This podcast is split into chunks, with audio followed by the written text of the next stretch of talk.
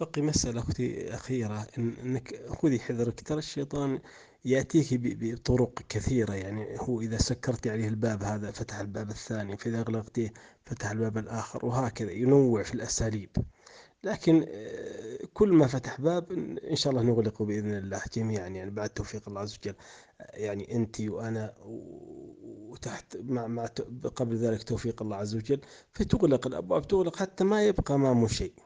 لكن أنت كوني حذرة يأتيك ترى بعد شيء بالطهارة وأحيانا في أحيان كثيرة يجلس فترة طويلة يمكن إلى قريب الأسبوع أو كعشرة أيام تحسين براحة وكذا حتى ينظر أنت غفلتي عنه ولا لا. ثم يبدأ عاد يأتي بوسواس بطريقة. لكن دائما خذي يعني حذرك كذا ولو انفتح الباب سيغلق بإذن الله.